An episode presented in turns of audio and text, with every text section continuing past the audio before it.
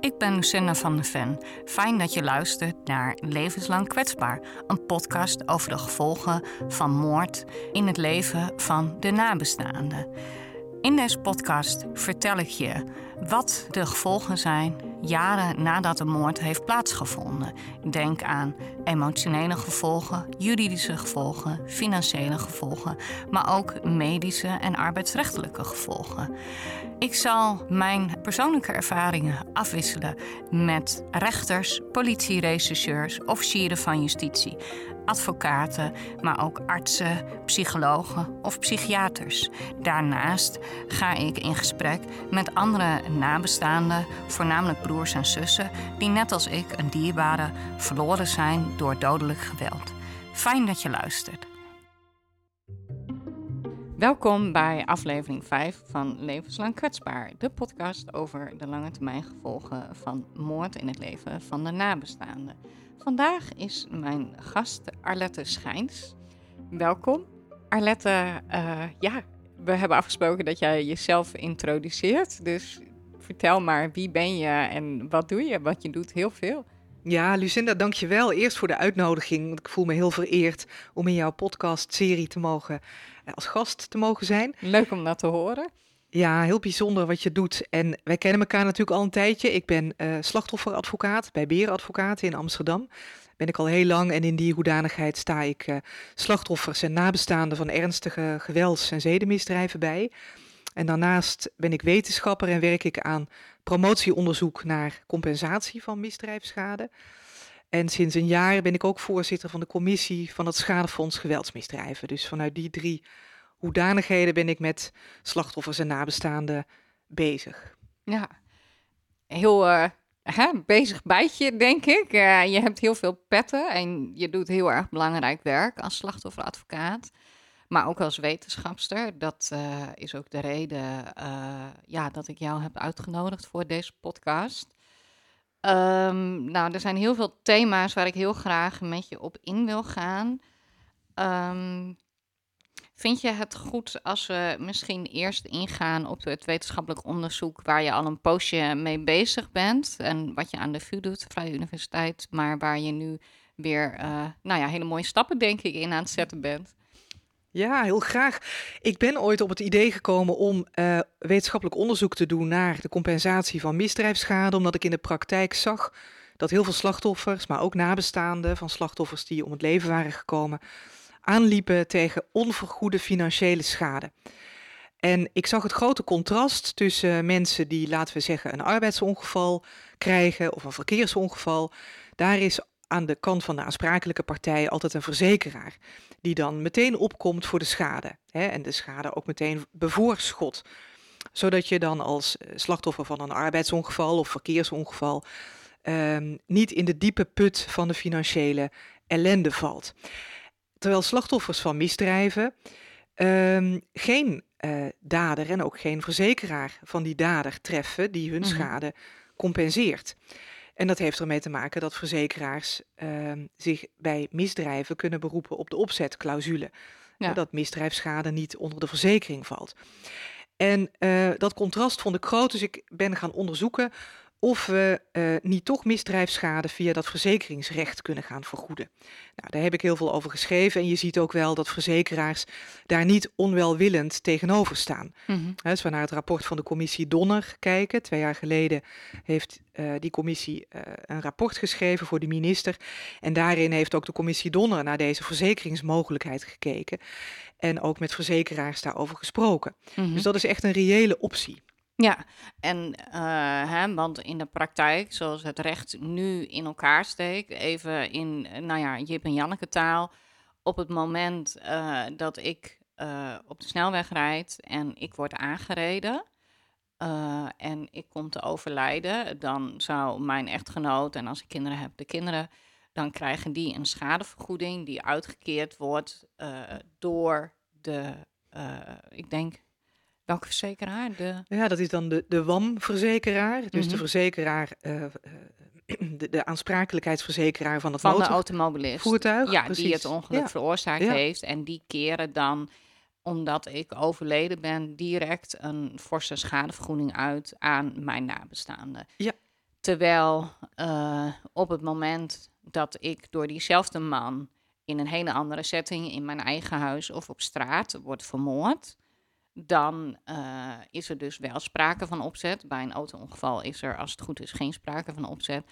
Maar dan zijn mijn nabestaanden natuurlijk ook gedupeerd, emotioneel, financieel. En dan hebben ze nergens recht op. Dat is het contrast, toch? En ja, nou je hebt eigenlijk wel recht op schadevergoeding, ook als het bij een, bij een misdrijf. Je hebt eigenlijk dezelfde rechten als een slachtoffer van een verkeersongeval of arbeidsongeval. Alleen is er niemand die die schade kan vergoeden, omdat in de meeste gevallen uh, de dader niet genoeg geld heeft om het slachtoffer te compenseren. En de verzekeraar, de aansprakelijkheidsverzekeraar van de dader, zal zeggen: ja, bij misdrijf, bij opzettelijk veroorzaakte schade gaan we niet uitkeren. En dus is er gewoon geen mogelijkheid voor een slachtoffer van een misdrijf om de schade ook daadwerkelijk te verhalen. Ja. dus het, onder het contrast zit hem erin dat je dezelfde rechten hebt, alleen kan een slachtoffer van een misdrijf die rechten niet verwezenlijken in de praktijk. Ja, en ook, hè, want jij noemde de dader, maar uh, het wordt natuurlijk nog complexer in het geval dat de dader onbekend is.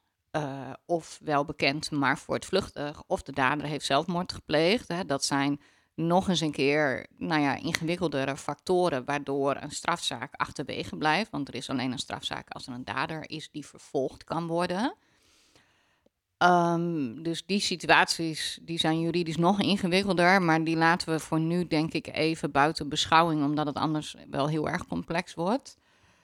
Um, maar inderdaad, jij zegt dus, ja, op papier heb je als nabestaande ook na een dodelijk geweldsmisdrijf recht op een schadevergoeding. Uh, of compensatie hè, van uh, jouw geleden schade. En in het voorgesprek hadden we het er al even over van ja, er zijn verschillende manieren om je schade vergoed te krijgen. Of verschillende mogelijkheden, laat ik het zo zeggen, die ook weer allemaal berusten op verschillende wetten. Um, en het hangt ook van je positie als nabestaande af. Um, nou, jij noemde ook de commissie Donner. Um, nou, misschien zullen we daarmee beginnen. Toelichten wat, het, wat de opdracht was die de commissie Donner gekregen heeft. En uh, wat er in het rapport staat. Zou je daar iets over kunnen vertellen? Ja, de uh, commissie Donner is door de minister uh, twee jaar geleden in het leven geroepen, omdat die minister heeft gezien, ja, uh, hebben we nu een compensatiestelsel bij misdrijf dat betaalbaar ook is voor de toekomst. Ja, voor de overheid. Voor de overheid, hè? want nu is het inderdaad zo dat als er een strafproces komt tegen de dader, uh, en je zegt net terecht, in heel veel gevallen komt er helemaal geen strafproces. En dan heb je als slachtoffer of nabestaande, kun je je ook niet voegen in dat strafproces. En kun je dus ook geen schadevergoeding van de dader eisen. Maar als er wel een strafproces komt, dan kun je je voegen. Dan kan de strafrechter ook een schadevergoedingsvordering toekennen. En het is dan bij de ernstige geweldsmisdrijven zo dat de staat via de voorschotregeling, zo noemen we dat dan, uh, die schadevergoeding betaalt aan slachtoffer of nabestaande. Mm Dus als de uh, strafrechter de schade begroot op, ik noem maar een bedrag, hè, 2 ton, dan betaalt de staat 2 ton aan het slachtoffer.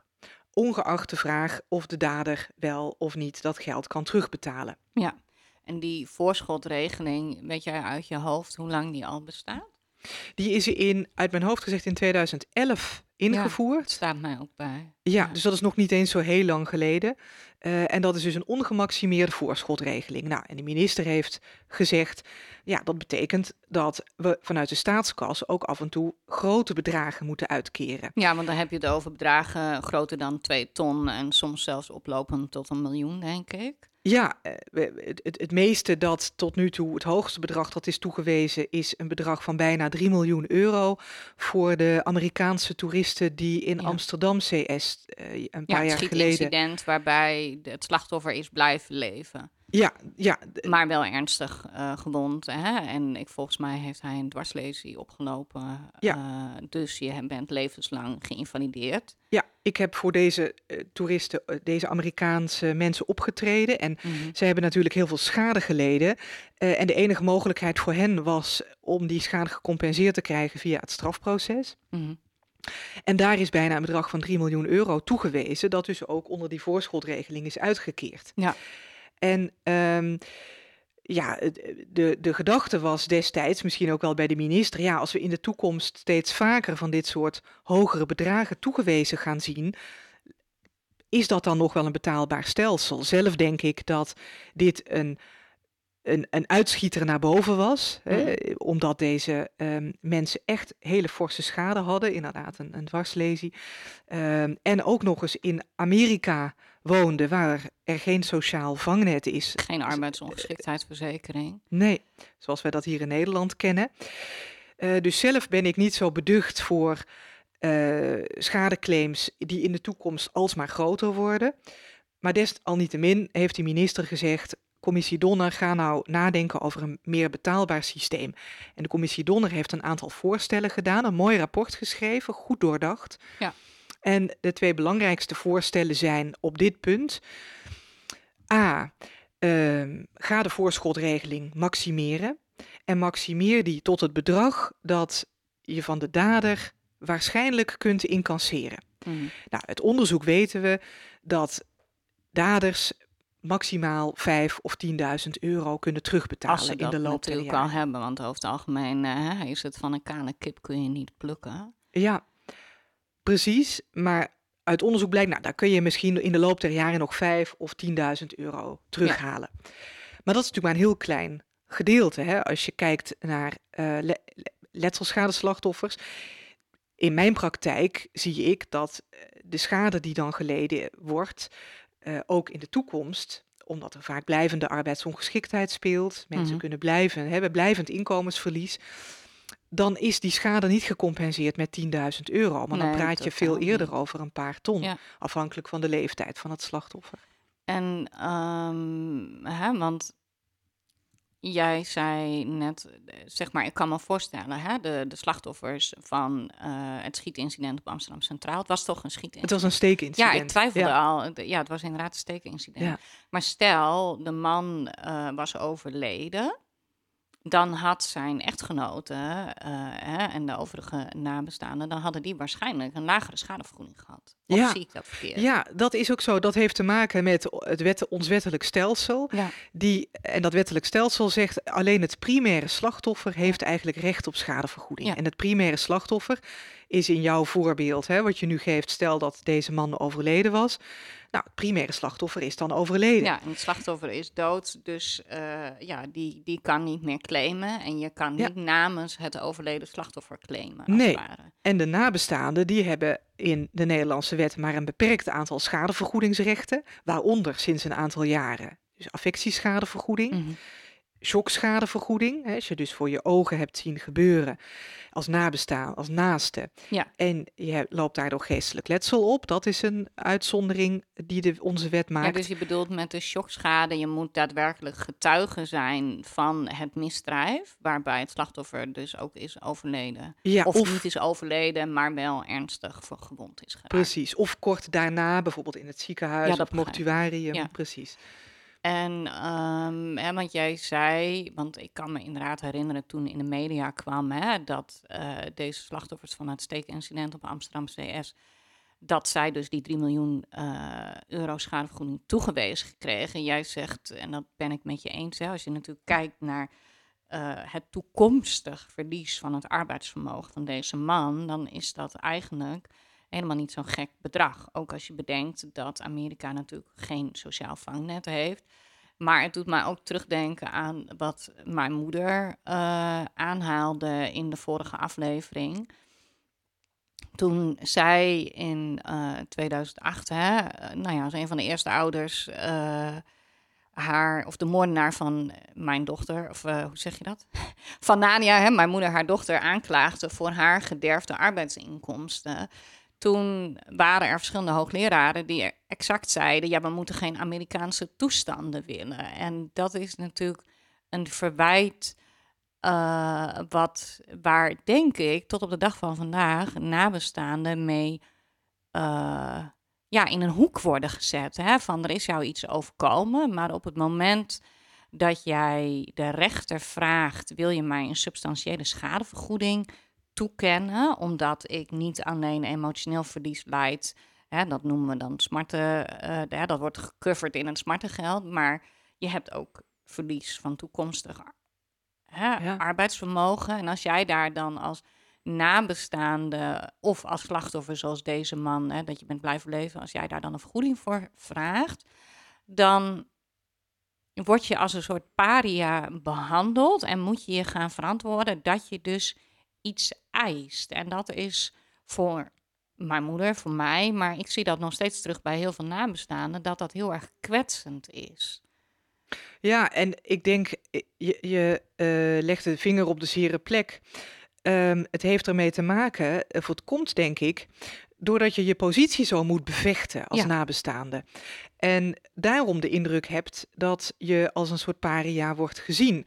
Ja. En je moet die positie bevechten omdat je volgens onze huidige wetgeving als nabestaande geen positie hebt. In het strafrecht bedoel je? Uh, maar ook in het civiele recht. Ja, hè? Want ik zei net, ja. precies. Alleen het primaire slachtoffer heeft die positie en de nabestaande voor schadevergoeding heeft die positie alleen maar als het gaat om uitzonderingen. Dus mm infectieschade, shockschade of derving levensonderhoud. Hè? Dus als je echt als de kostwinner is overleden en de nabestaande leidt daardoor schade wegens derving levensonderhoud. Je zou je ook een systeem kunnen bedenken waarin je zegt niet alleen dat primaire slachtoffer heeft een schadevergoedingspositie, maar ook de naasten en de nabestaanden. Mhm. Want die worden net zo goed getroffen door het overlijden.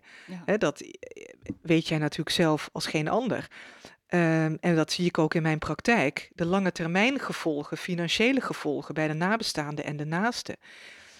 Ja, die zijn ontzettend groot. Door het verdriet, door alles wat erbij komt kijken. Verliezen mensen vaak hun baan uh, of raken op een andere manier arbeidsongeschikt. En die financiële schade wordt niet erkend in ons wettelijk systeem. Nee. En um, je noemde een aantal dingen. Hè? We hebben het gehad over de wet affectieschade. En die is in. Wanneer is die van kracht gegaan? 2009? Moet ik even Oei, terugzoeken. Ja, dat zou ik uit mijn hoofd moeten weten. Hij is volgens mij in 2000. 1 januari 2019. wat goed dat jij dat nou zo oplepelt. dat, zou, dat zou ik moeten kunnen. 1 januari 2019. En dat betekent inderdaad dat hij in 2024 wordt geëvalueerd. Dus vijf jaar later. Dus sinds 1 januari 2019 kennen we die wet affectieschade. En die wet affectieschade, um, door mijn moeder, haar civiele rechtszaak, heeft zij, uh, hè, daar heb ik het dan in de vorige aflevering over gehad, maar daar zijn we niet heel diep op ingegaan, omdat dat voor mij ook hele moeilijke materie is. Mijn moeder heeft natuurlijk, hè, wat ik zei, zowel uh, Pascal F., Nani haar moordenaar, als zijn ouders aangeklaagd. Daardoor is, uh, nou ja, hè, meer dan tien jaar later, is mee jurisprudentie gecreëerd, waardoor die wet affectieschade er gekomen is. Maar in het voorgesprek legde jij ook uit, ja, die wet affectieschade, dat is eigenlijk maar een gedeelte hè, van uh, de, de vergoeding. Want er zijn verschillende manieren waarop je aanspraak kan maken op een vergoeding. Um, en eigenlijk schiet het allemaal nog tekort. Kan je daar wat meer licht op schijnen? Hè? Want ik noemde het al de juridische jungle. Uh, nou, je merkt, hè, ik, ik ik zat er redelijk in, maar ook voor mij is het toch nog steeds lastig. En ik denk voor luisteraars helemaal. En ja, als jij net nabestaande bent geworden na moord, hoe ga je dit begrijpen? Het is ook heel lastig. Ik uh, heb samen met uh, Ruud Jager, slachtofferadvocaat in Amersfoort, al een tijdje het plan om een goed boek of goede website te maken met een juridische wegwijzer naar misdrijf. Waar loop je tegenaan? Welke procedures zijn er om mhm. mensen, om, om slachtoffers wegwijs te maken in wat jij noemt de juridische jungle. Um, Want ik merk dat, dat veel slachtoffers en nabestaanden natuurlijk behoefte hebben aan die informatie. En er zijn heel veel boeken uh, over slachtoffers voor wetenschappers, maar er is eigenlijk nog geen goed handboek of website voor slachtoffers. Dus dat moet er zeker komen. Ja. En jij noemt ook terecht dat die wet affectieschade sinds 1 januari 2019 de mogelijkheid geeft om affectieschadevergoeding te vragen en toe te kennen aan nabestaanden. Maar je moet je realiseren dat dat alleen maar gaat over een compensatie voor het leed dat geleden is, dus voor het immateriële nadeel. Ja. En dat gaat bovendien om een vast bedrag. Mm dus daar wordt ook niet gekeken wat is het immateriële nadeel voor de een of de ander. Het gaat om een vast bedrag. Maar de grootste schadecomponent bij heel veel nabestaanden zit hem niet zozeer in dat immateriële nadeel. Dat is natuurlijk ook een belangrijk een belangrijke component. Maar als je kijkt naar de financiële schade, zit hem dat meer in het inkomensverlies dat mensen lijden. Uh, ja, door de positie waar ze in zijn gekomen, door het verlies van hun naasten. Ja. En dat inkomensverlies wordt eigenlijk alleen maar opgevangen als degene die is overleden ook de kostwinner was. Uh, hè, dus dan heb je als partner van de overledene of als eh, kind recht op schadevergoeding. Of al, als minderjarig kind van. Ja. Maar stel je verliest als ouder een kind. Of je verliest, zoals jij, als zus een zus.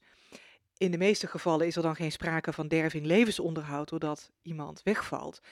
Ja, dan heb je in het huidige systeem alleen maar recht op die vergoeding, vaste vergoeding van affectieschade. En betekent dat dan ook, hè, want je zegt minderjarig kind, um, maar betekent dat dan ook letterlijk dat uh, als je, ik, noem maar iets, hè, je hebt twee kinderen. De ene kind is 19 jaar, het tweede kind is 17 jaar.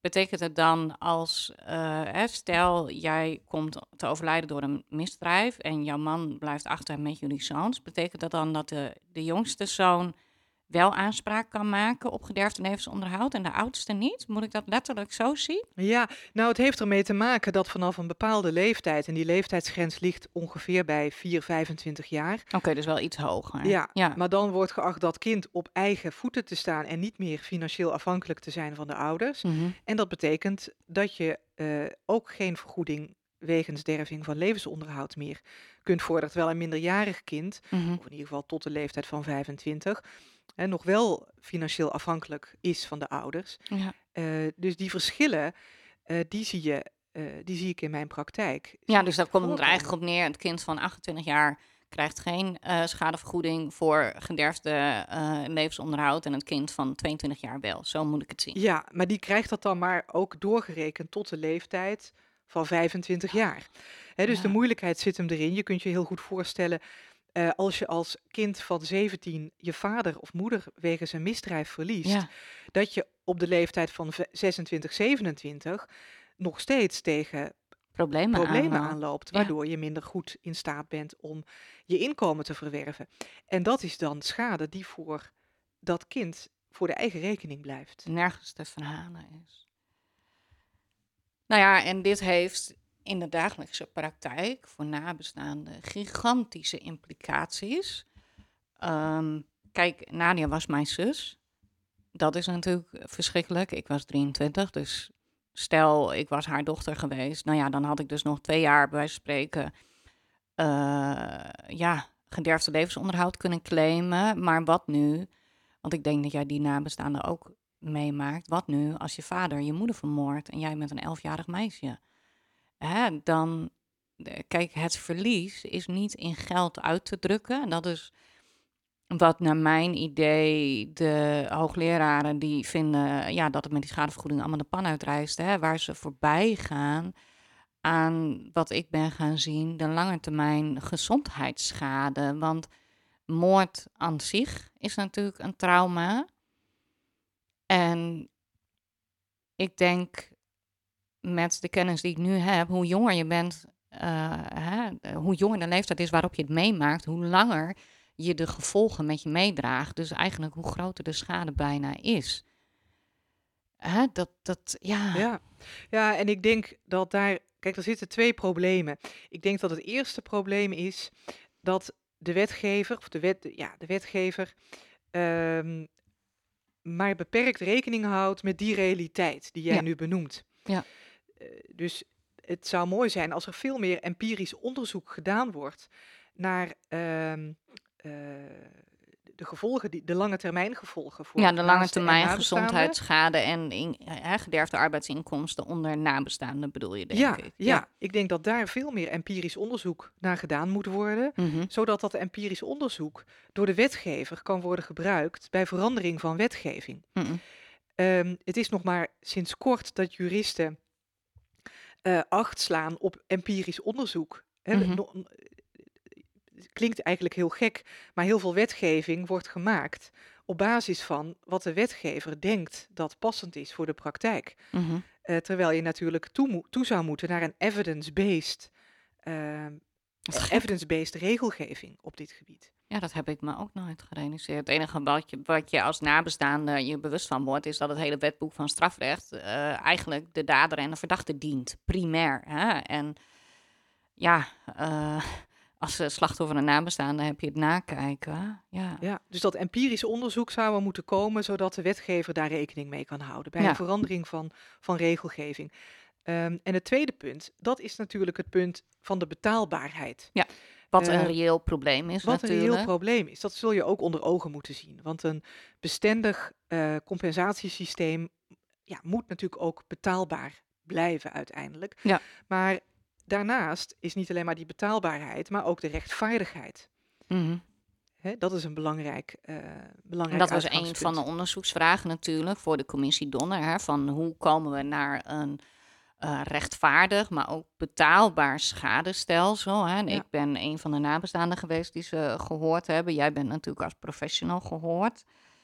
Ehm, en ik denk, hè, want jij hebt verteld over het onderzoek wat jij doet. En, en, hè, de, de oplossingen of de potentiële oplossingen toch die jij ziet. Precies, dus als potentiële oplossing zou ik zien, als je het betaalbaar wil maken. Kijk, Mhm. nu vindt compensatie van misdrijfsschade vooral plaats via de overheid, hè, Mhm. via het strafproces en die voorschotregeling, via het schadefonds geweldsmisdrijven. Misschien moeten we de voorschotregeling even iets nog toelichten. ehm, Ja. Want ik begrijp hem, maar ik weet Ja, niet of Dat de. snap ik. Nee, de voorschotregeling komt er eigenlijk op neer dat als de strafrechter eh, een bepaald bedrag aan schadevergoeding toekent aan, aan slachtoffer of nabestaande, dat de staat dan vanuit de staatskas dat bedrag eh, uitkeert Mhm. aan het slachtoffer als het vonnis of de uitspraak onherroepelijk is.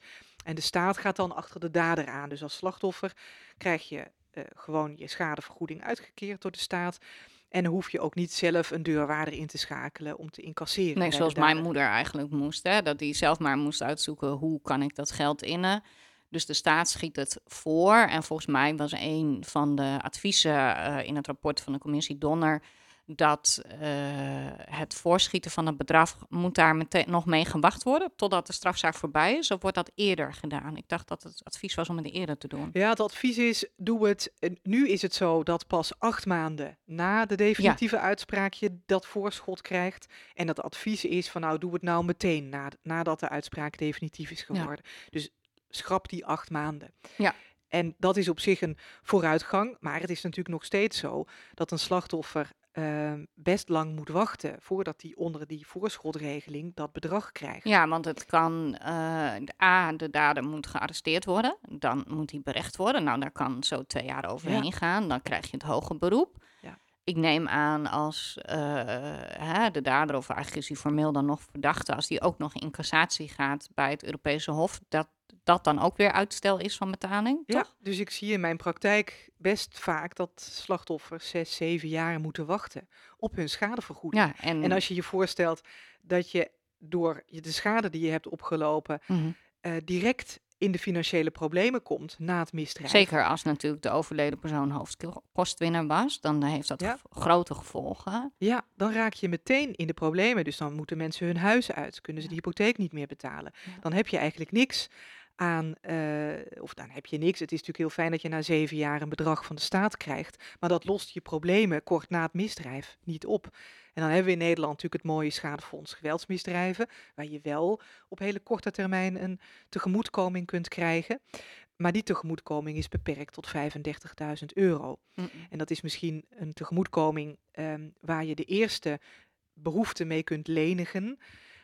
Maar het is bij ernstige schade natuurlijk ook maar een doekje voor het bloeden. Ja, want 35.000 euro, uh, ja, dat hangt er vanaf wat je inkomen is en wat je hypotheek is. Maar uh, dat, uh, daar ben je redelijk snel doorheen. Ja. Dat qua vaste lasten in ieder geval met een paar jaar. Ja.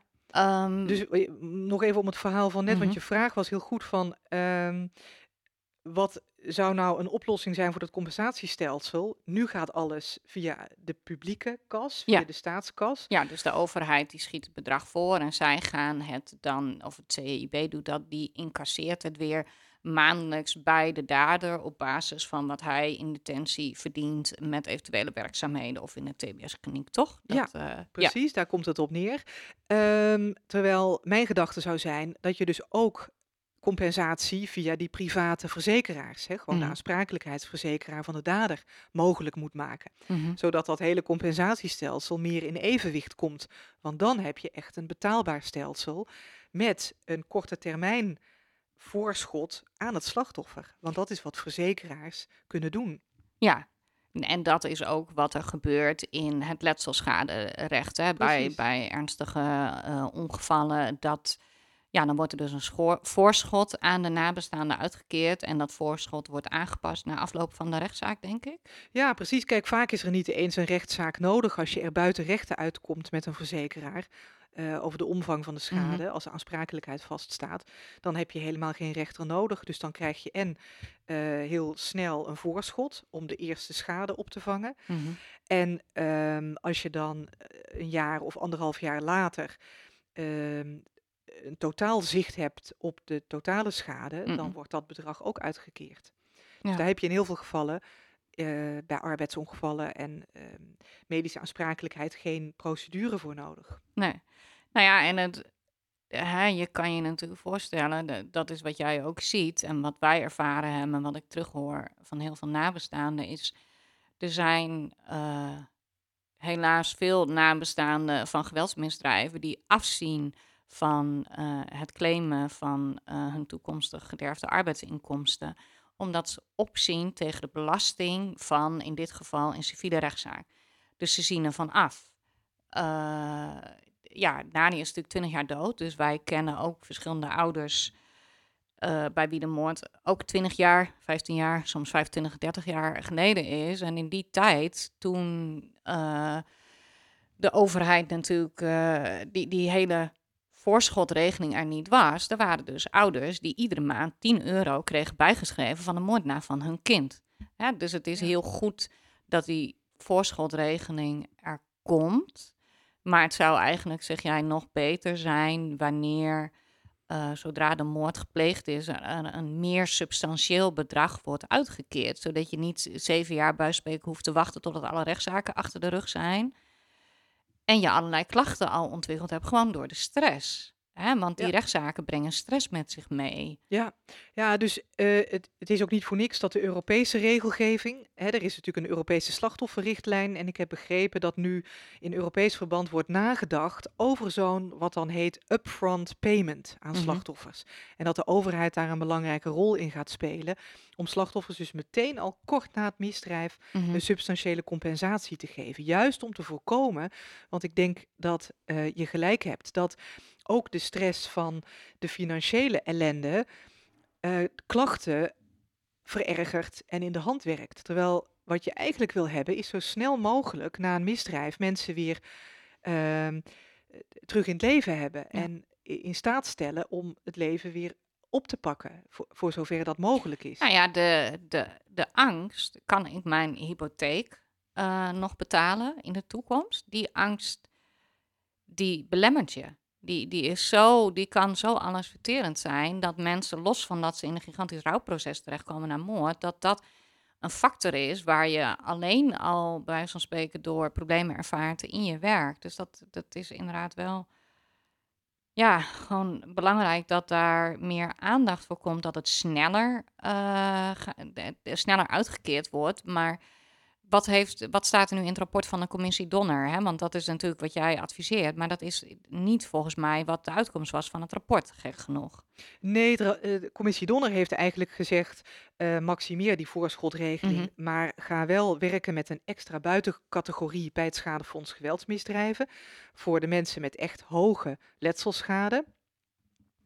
Um, maar in mijn visie uh, gaat dat nog niet ver genoeg. En zou je moeten nadenken over een herpositionering van het schadefonds geweldsmisdrijven, waar het schadefonds veel meer aan de voorkant dan nu, hè, dus veel sneller dan nu, uh, schadevergoeding kan uh, geven, een compensatie kan, kan bieden aan mhm. slachtoffers. Ongeacht of er een strafproces al gaande is. Mm dus aan alle slachtoffers van geweldsmisdrijven. Waarbij vervolgens het Openbaar Ministerie de rol op zich kan nemen, als het strafproces er is, om dat bedrag dat is uitgekeerd weer terug te halen. Ja. dus het grote voordeel daarvan is, is dat je heel snel in staat bent om zo'n voorschot uit te keren aan slachtoffers via het schadefonds. Mhm. Dat je wel dat regres op die daderen natuurlijk goed regelt via het strafproces. Maar dat je daar niet het slachtoffer mee belast, maar dat de overheid dat regres nou ja, op zich neemt. En inderdaad, waar, het aan schort, is dat uh, het slachtoffer, en in dit geval de nabestaanden, dat die ontzorgd moeten worden. En um, want wat is precies jouw rol nu binnen het schadefonds? Hè? Want dit is wat, jou, wat jij voorstelt. Maar kun je dat, ga je dat voor elkaar krijgen, dat het schadefonds die andere positie... Hè? Want het schadefonds, de volledige naam is natuurlijk Schadefonds Geweldsmisdrijven. Daar kun je dus een verzoek indienen. Dat moet je, dacht ik, actief doen, toch? Ja, als slachtoffer of als nabestaande kun je act kun je een aanvraagformulier indienen bij het schadefonds. Maar het wordt je ehm, niet aangeboden. Het wordt je niet aangeboden. Je moet er echt om vragen. Ja. En wat is jouw functie precies binnen het Schadefonds Geweldsmisdrijven? Ja, ik ben voorzitter van de commissie van het Schadefonds Geweldsmisdrijven. Mhm. Eh, ik ben niet directeur van het Schadefonds, maar als commissie denken we mee. We hebben tien commissieleden bij het Schadefonds en denken we mee na over verandering van het beleid van het Schadefonds. Ja. En dat doe ik dus niet in mijn eentje. Dus wat ik nu zeg, vertegenwoordigt ook niet de opinie van, het hele, van de hele commissie van het Schadefonds. Uh, het is een gedachte die ik zelf op basis van mijn wetenschappelijke werk uh, heb, heb uh, mm -hmm. en die ook uitdraag. Uh, wat er nodig is, is een discussie, niet alleen maar binnen de commissie Schadefonds Geweldsmisdrijven, maar ook op het ministerie. Ehm, en uh, kijkend naar de ontwikkelingen binnen de EU, hè, wat ik mm -hmm. al mhm. zei, dat upfront payment. Mm -hmm. um, het schadefonds heeft natuurlijk al een structuur waar je zo'n upfront payment heel goed kunt uh, kunt integreren. Ja. en, en alle Europese lidstaten hebben, zo'n, hebben een schadefonds. Dus als je nadenkt over een uh, goede manier vanuit de overheid om slachtoffers te compenseren, mm -hmm. dan hebben de schadefondsen hebben daar al zo'n infrastructuur voor. Ja. Um, dus in zoverre zou daar ook geen nieuwe regelgeving voor nodig zijn om uh, dit te verwezenlijken. Ehm, daarnaast denk ik nog steeds dat de rol van de private verzekeringen, hè, de aansprakelijkheidsverzekeraar van de dader, dat je daar iets mee moet doen in die zin dat verzekeraars zich dus niet meer op die opzetclausule kunnen beroepen en dus ook een deel van die schade kunnen opvangen. Ja, ja ingewikkelde materie denk ik. Um, ja, het, het lastige is natuurlijk, je wordt, ik vind sowieso het woord slachtoffer heel lastig. Um, want het woord slachtoffer, daarmee word je eigenlijk al gedefinieerd als zijnde dat je machteloos bent. Ja. ja dus je wordt al in het woord zelf in een achtergestelde positie gezet. En um, daarom stelde ik ook die vraag van moet jij als uh, nabestaande actief het, schade, uh, het schadefonds geweldsmisdrijf, je moet actief hun aanschrijven met behulp van jouw advocaat of jurist om in aanmerking te komen voor uh, een schadevergoeding. Het zou fijn zijn natuurlijk als dat andersom ging. Hè? hey, u bent nabestaande van moord en dat je als het ware dan meteen een brief op de deurmat ligt van het schadefonds, dit kunnen wij voor u betekenen. Ja.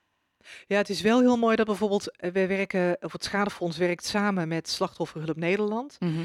En Slachtofferhulp Nederland ziet, als het goed is, natuurlijk de meeste nabestaanden. Ja, dus zij nemen daar het voortouw Precies. in. Ja, dus Ja. dat is natuurlijk wel waarin uh, nou ja, de positie van slachtoffers of na, nabestaanden verbeterd is.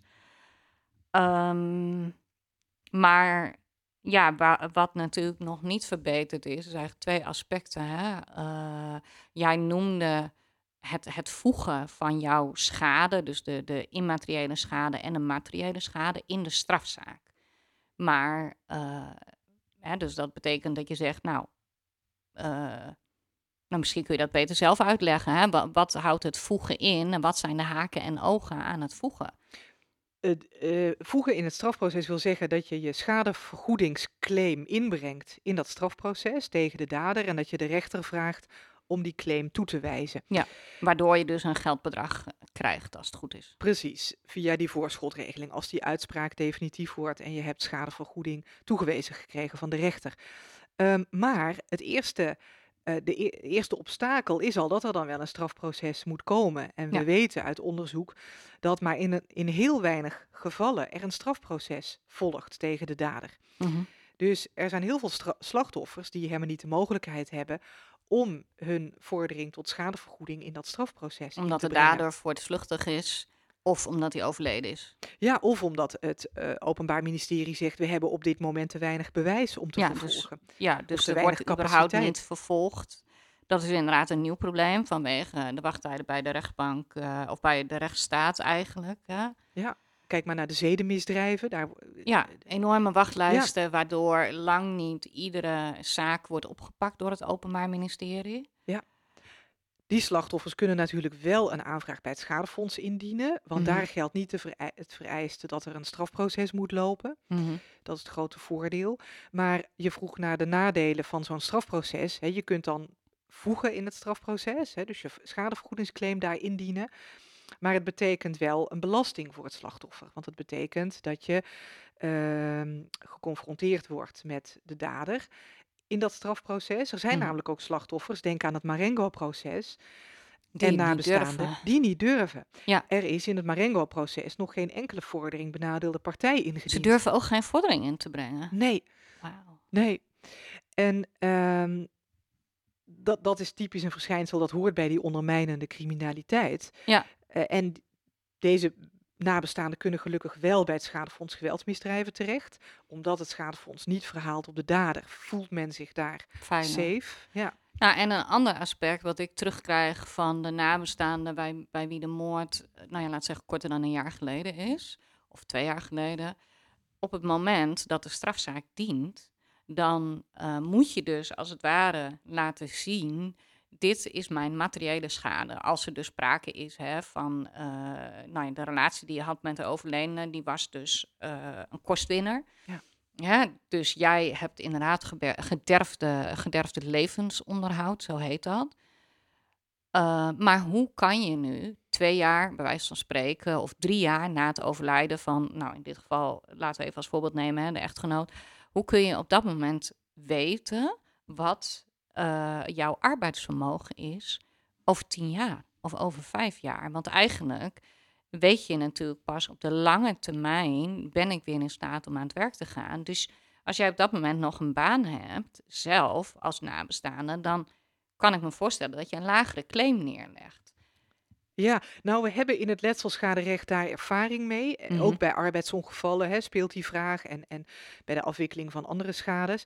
En dan moet je een inschatting maken van hoe die toekomstige situatie eruit ziet. Dat is natuurlijk heel complex. Ja. En dat, ehm, daar betrekken we ook rekenkundigen bij en experts om zo een zo goed mogelijke inschatting te maken van hoe die toekomst eruit zal zien. Maar je hebt gelijk, dat is een complexe kwestie. Civiele rechters kunnen daar heel goed mee uit de voeten, strafrechters wat minder Nee. omdat die minder goed in dat civiele recht zitten. En je ziet dus ook vaak dat juist claims van nabestaanden, als het gaat om derving levensonderhoud, dat die niet ontvankelijk worden verklaard. Dat de strafrechter zegt dat is mij te complex. Ja, ik, neem die af. niet mee in het Ja. strafproces. Ja. ja, en dat betekent dat die nabestaanden, en ik heb er in mijn praktijk best veel, Mhm. die dat zijn tegengekomen. eh, Als de strafrechter die claim niet meeneemt, dan heb je dus ook geen mogelijkheid om onder die voorschotregeling een uitkering te krijgen. Hè? Dan Mhm. is die pas afgesneden. Ja. En dan moet je naar de civiele rechter. Dat kan dan ook. En de civiele rechter zal die schade begroten. Maar dan loop je weer tegen de verhaalsonmogelijkheid aan. Hè? Dat de dader een kale kip is.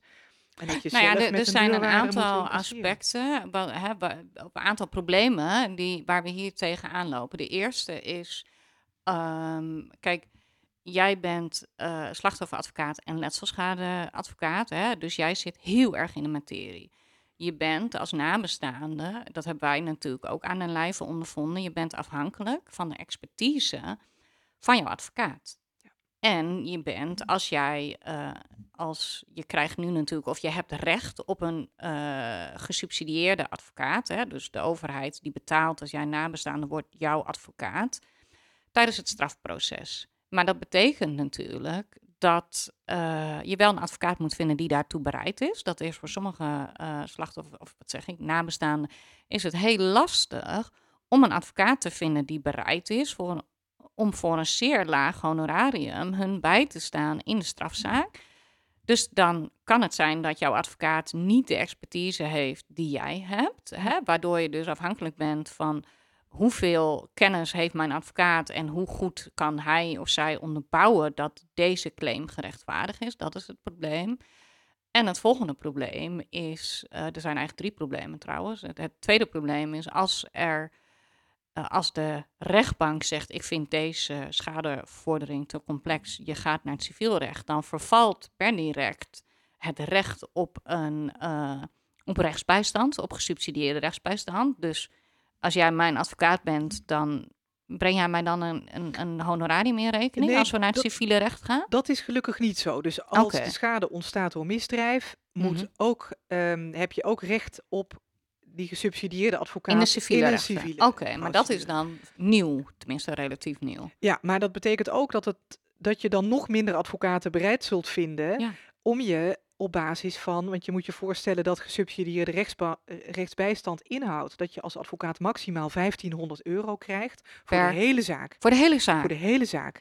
Dus daar kan je er eigenlijk zijn een weinig kantoor advocaten die dat doen. niet van draaiend houden. Precies. Eh, ik zie er nu ook steeds minder advocaten, die bereid, slachtofferadvocaten, die bereid zijn dat te doen. Ja, Ik wat begrijpelijk is, hè? Wat begrijpelijk is, ik gaf laatst weer cursus aan slachtofferadvocaten. En twee ervan zeiden, twee van de, van de, van de 18 zeiden, Mhm. ik hou er per 1 januari mee op. Ik, het is niet meer, ik kom Zo. niet meer uit de kosten. Ik doe Ja. het niet meer. Eh, Ja. Want je moet je voorstellen dat een strafproces, maar ook een civiel proces, gemiddeld, denk ik, ehm, eh, 40, 50 uur eh, in beslag neemt. Mhm, Op jaarbasis. Eh, nee, sorry, per zaak Op per zaak Per in zaak? totaal, ja. in totaal, waar je dus maar een beperkt deel van vergoed krijgt. Hè? Een vast bedrag van 1500 euro. En er zijn niet veel advocaten die en dat bereid is zijn om dat te exclusief doen. jouw reiskosten, toch? Die, die, die moet je dan maar zelf betalen, die nou, 1500 de euro. reiskosten worden geloof ik ook door de Raad voor Rechtsbijstand Ja. vergoed. Maar goed, het is natuurlijk, eh hè, want die 50 uur, dat is wat je gemiddeld kwijt bent, 50, 60 uur. Ja. Ja, dus een Ja, reken dat maar eh, uit tegen een, een, een, een, normaal eh, eh, uurtarief van een advocaat. Ja. En dan heb ik het nog niet over de commerciële, echt commerciële uurtarieven van de Zuidaskantoren. Maar laten we zeggen 200, 250 uur is een gebruikelijk uurtarief van een advocaat. mhm. Ja, en dat maal 60. Dat is een ander bedrag dan het bedrag, vaste bedrag van 1500 euro. Ja. ja. Dus je hebt, je hebt gelijk, het is de vraag. Kijk, de EU-slachtofferrichtlijn zegt: slachtoffers hebben recht op, op, op een advo, op advocatuurlijke bijstand. Mhm. Dat, dat is er in Nederland natuurlijk ook. Ehm, maar het is de vraag of als je eh, kijkt hoe duurzaam dat is, of er in de toekomst ook nog advocaten eh, bereid zijn, hè, gespecialiseerde advocaten, om voor dat bedrag die bijstand te verlenen, omdat Ja. het vaak niet uitkomt. Nou ja, en dat betekent dus dat het eh, heel lastig kan zijn om, eh, nou ja, als gedupeerde familie, om een advocaat te vinden die jou bijstaat. En als die je bij wil staan, dan wil het ook nog wel eens zo zijn dat ze gewoon te weinig tijd hebben. Hè? Dat ze Ja. toch zeggen van ja, ik sta jou wel bij, maar eh, ze hebben gewoon niet de tijd om zich net zo hard in te zetten voor jouw zaak als voor een zaak die, uh, hè, waarvoor ze gewoon een normale tarief kunnen rekenen. Ja. ja, ik denk dat er nog heel veel slachtofferadvocaten zijn die echt met hart en ziel kiezen voor deze praktijk en het dus niet te doen is om het geld. Um, maar dan nog, je moet wel uh, in leven kunnen, financieel in leven kunnen blijven als hm. advocaat om het werk nou ja, en je moet ook een, een, een hè, want er zijn dus ook nabestaanden die dan in zee gaan met tussen aanhalingstekens een gewone advocaat.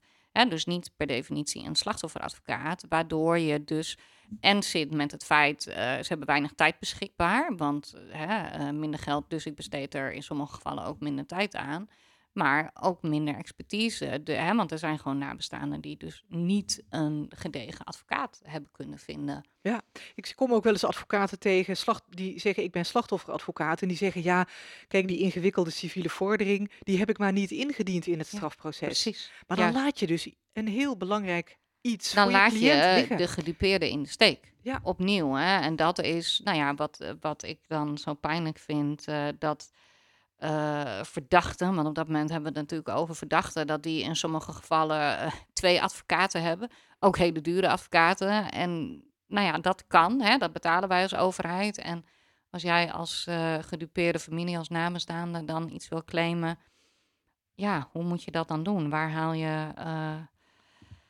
ja, ja. Een kundige advocaat vandaan? Nou ja, een ander aspect waar we het over gehad hebben is natuurlijk. Um, je kan alleen een substantieel bedrag claimen op het moment dat het slachtoffer, dat jij afhankelijk was uh, van het inkomen van het slachtoffer. Het overleden slachtoffer. Dus uh, dat betekent dat broers en zussen, uh, maar ik denk ook ouders, hè, ja, die behoren niet tot wat dan in juridische termen heet de kring van uh, gerechtigde nabestaanden. En ja, terwijl dat niet zegt dat zij geen gederfde arbeidsinkomsten hebben. Dus welke verschuivingen zie je daarover? Ja, op dit kijk, door de invoering van de wet affectieschade, um, dat was een belangrijke stap, omdat men zich toen gerealiseerd heeft, mede hè, naar aanleiding van, van de rechtszaak van, van jou en je moeder, um, dat dat leed bij nabestaanden groot is en dat dat compensatie verdient. Mm -mm. En toen is dus de stap genomen, nou dat immateriële leed gaan we in ieder geval vergoeden. Maar wat natuurlijk heel mooi zou zijn, is dat je ook zegt, er is ook materieel leed, hè? precies het inkomensverlies. Ja. En uh, dat je daar op een uh, manier naar gaat kijken, uh, zodat nabestaanden wel een positie in de wet krijgen. Dat je ook dat materiële leed, dat inkomensverlies, kunt meenemen. Ja. He, dus ook bijvoorbeeld bij ouders. Ik heb gisteren nog ouders bijgestaan die hun vierjarig jongetje, kind verloren zijn bij een verkeersongeval. Um, dat jongetje heeft niet in hun levensonderhoud voorzien. Dus Nee. zij als ouders, als je kijkt naar de wet, hebben alleen recht op vergoeding van affectieschade. Mhm. Terwijl zij natuurlijk in hun werkende leven tegen allerlei problemen aanlopen en de eerste periode helemaal niet hebben kunnen werken. Ja. Ehm, en dat wordt in beginsel niet vergoed, Nee. die schade. En da- een, een verandering daarover zou nodig zijn. En ik denk dat een eerste stap daarvoor dat empirisch onderzoek is. Eh, laat maar eens vaststellen hoeveel nabestaanden ehm, inkomensverlies lijden, langdurig zorg behoeven eh, Ja. na, eh, na het wegvallen van een, een naaste. Nou ja, en niet eens per se zorgbehoeven. Hè? Want het is niet gezegd dat nabestaanden van dodelijk geweld per se hulp zoeken. Ik ken verschillende, eh, nou ja, met name ouders dan, maar ook wel kinderen, die dus eigenlijk zeggen, en trouwens ook broers en zussen, hè, die dus zeggen: Ik heb doorgeploeterd tot aan mijn pensioen en daarna stortte ik volledig in. Hè, maar het, het, er zijn ook mensen die wel blijven werken, maar dat wil niet zeggen dat ze niet eh, mentaal of fysiek met forse klachten rondlopen. Hè, dus die, die lange termijn gezondheidsschade, om dat wetenschappelijk in kaart te brengen, nou ja, ik denk dat dat mijn missie is. Hè, daar ga ik mij eh, voor inzetten. Ehm, Nou, een belangrijke missie hoor, want vergis je niet, het begint, eh, eigenlijk allemaal met de feiten. Als je dat Mhm. goed in kaart brengt, want jij ziet en je spreekt natuurlijk heel veel mensen en jij ziet dat dat, dat probleem er is. Mhm. Alleen is het de vraag, hoe krijg je dat probleem op de tafel van de wetgever? Ja. Ehm, want uiteindelijk is de maatschappelijke schade, als je het dus vanuit de maatschappij bekijkt, daardoor ook groot. Ja. Want dat zijn mensen die hun arbeidspotentieel niet kunnen realiseren. En dat Nee. is niet alleen voor, die, voor de nabestaanden zelf eh, verschrikkelijk, maar ook de maatschappij, eh, voor, voor de maatschappij. Hè, want je verliest dan een, een, een belangrijke waarde. Ja, je verliest eh, een, een werknemer die bijdraagt aan het maatschappelijk domein. En in mijn geval die dus nu juist een beroep doet hè, op, op ondersteuning uit het maatschappelijke domein. Ja. Dat is wat er gebeurt. Ehm, eh, gezien de tijd eh, en jouw volle agenda gaan we naar een afronding. Maar wat ik wel nog heel graag wil benoemen, omdat dat zo bijzonder was. Hè, jij hebt natuurlijk verschillende nabestaanden in de MH17 of eh, uit de MH17-ramp bijgestaan. En in het vonnis heeft de rechtbank een hele unieke uitspraak gedaan. En ik denk dat je weet welke ik bedoel. Ja, ja, dat is een uitspraak. Fijn dat je het noemt, eh, waar ik professioneel wel heel trots op ben. Wat we gezien hebben bij de grote nabestaande groep van de MH17, is dat er heel veel eh, mensen, nabestaanden zijn, die een broer of zus verloren zijn door de ramp. Ehm, maar die kwamen niet in aanmerking voor een affectieschadevergoeding. Gewoon omdat de Nederlandse wet, eh, maar ook de Oekraïense wet, maar ook de Nederlandse wet zegt, Mhm. Als broer en zus heb je in beginsel geen recht op vergoeding van affectieschade. Ja. Je valt daar buiten de kring van gerechtigden. En dat deed heel veel nabestaanden zoveel pijn, broers en zussen, die natuurlijk dezelfde pijn en verdriet hebben als De ouders, ouders, of een partner of kinderen, precies. Maar dus buiten de wet eh, stonden. Eh, dus wij hebben in die zaak de rechtbank gevraagd om onze oproep te ondersteunen Mhm. om aan de Nederlandse wetgever te vragen die positie van de broers en zussen in de komende evaluatie van de wet affectieschade te herzien. Mhm. En wij realiseerden ons wel, toen we, die, toen we dat aan de rechtbank vroegen, dat de rechtbank niet het gremium is om zich daarover uit te laten. Dus wij waren ja, buitengewoon eh, ja, blij met de uitspraak van de rechter, dat de rechtbank een oproep onze oproep heeft ondersteund aan de wetgever om die positie van broers en zussen te herzien in 2024 bij de evaluatie van de wet affectieschade. Ja, dus het, het is natuurlijk een, een fantastisch begin. Uh, maar dat betekent wel nog nu dat deze broers en zussen geen uh, vergoeding hebben gekregen. Affectieve nee. vergoeding. Nee, dat ja. kon niet en het gaat ook niet met terugwerkende kracht ja, werken. Dat is natuurlijk jammer. Dat is jammer, dat weten ze ook. Dat is het mooie, vind ik, van deze nabestaande MH17. Ze, ze, ze zijn zo strijdbaar om het voor toekomstige nabestaanden beter te maken. Uh, dat, dat, uh, daar heb ik veel bewondering voor. Ja. Nou ja, je ziet denk ik uh, de kracht van een, een grotere groep. Doordat zij natuurlijk letterlijk hetzelfde lot dragen en met zoveel zijn, uh, hebben ze elkaar kunnen steunen in deze oproep, waardoor de rechtbank, denk ik, hè, dit erkend heeft. En ja, dus we moeten nu eigenlijk nog een jaar wachten. Uh, want wat gaat er dan in 2024 gebeuren? Dan wordt de wet geëvalueerd en dan? Ja, de wet wordt geëvalueerd en binnenkort is er al een Kamerdebat hierover, waarbij ja. ook experts aan, aan, zullen schuiven en alle politieke uh, partijen aanschuiven. Uh, en naar aanleiding van die evaluatie. Uh, kijk, we hopen natuurlijk dat de evaluatie zicht geeft. de, de MA17-uitspraak doet dat al. Op dat leed bij die broers en zussen. En dat daar echt iets moet veranderen. Ja. Dat is ook weer dat empirisch onderzoek wat ik bedoel. Ja. De, de, rechtbank in de MA17-zaak heeft heel duidelijk gezegd: we hebben in dat spreekrecht, die drie weken spreekrecht die we gehad hebben, zoveel broers en zussen gezien die dit aan de orde hebben gesteld. Ja. Dit moet veranderen. Ja, je kan er nu, hoe verschrikkelijk het ook is dat deze ramp gebeurd is.